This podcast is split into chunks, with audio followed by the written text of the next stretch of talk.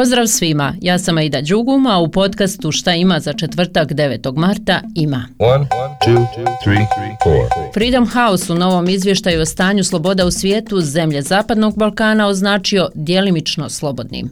Za 18 poena pala je Srbija, a u padu je prati Bosna i Hercegovina sa 10.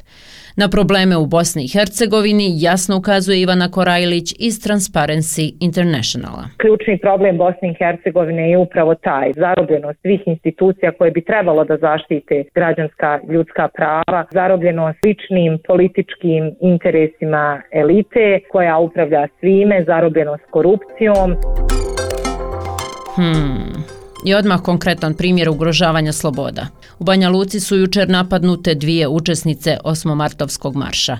Jedna je odgurnuta, druga je zadobila udarac, a napadači su im iz ruku oteli LGBT zastavu. Uvijek imamo transparente podrške ženama, lesbijkama, ovaj, biseksualnim i trans ženama, migrantkinjama, romkinjama i mislimo da je ovo izazvan politički incident. Priča Milica Pralica, jedna od napadnutih djevojaka i predsjednica udruženja Oštra Nula, organizatorica marša.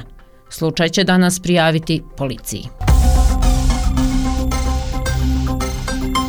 Eto i to se desilo. Poslodavci i sindikalci na istoj strani.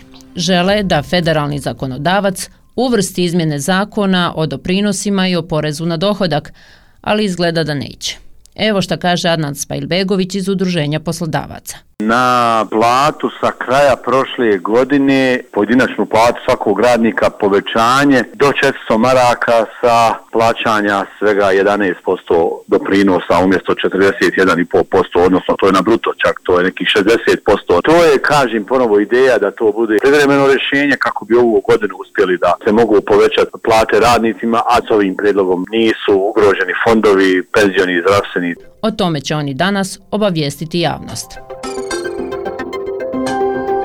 Nema mi Lele danas pa da pretresamo malo ove događaje, ali sluša ona ovo pa neka gunđa sama. Uglavnom, evo šta još ima danas. Predstavnički dom državnog parlamenta bira članove za odbranu i sigurnost, te zajedničku komisiju za nadzor obavještajne sigurnosne agencije. A odlagalište nuklearnog otpada na Trgovskoj gori, koji je od BiH udaljan svega 850 metara, bit će tema razgovora u Novom gradu. Taj problem koji tinja već godinama okupit će danas sve, od ministarstva na državnom nivou do nevladinog sektora. Staša Košarac, ministar vanjske trgovine i ekonomskih odnosa. Kretanje Hrvatske jeste ispod radara s ciljem očuvanja dobrih bilateralnih odnosa, ali to je njihovo kretanje. Naše kretanje primarno zaštitimo zdravlje 250.000 ljudi. Kako sačuvati zdravlje? Preventivno djelovati. Zamislite da imate pravo na tri sedmice odmora ili bolovanja, a da niste bolesni. Pazite, u Njemačkoj preopterećeni roditelji imaju zakonsko pravo na zdravstveni odmor tri sedmice svake četiri godine. To je vjerovatno jedina zemlja na svijetu u kojoj kur, kako nazivaju tu vrstu odmora ili bolovanja, propisuje ljekar. Uglavnom se finansira iz osiguranja i ne samo radi liječenja zdravstvenog problema, već i kao preventivna mjera. Zdravstveni odmori za roditelje mogu imati trajne koristi, pokazalo istraživanja, piše BBC.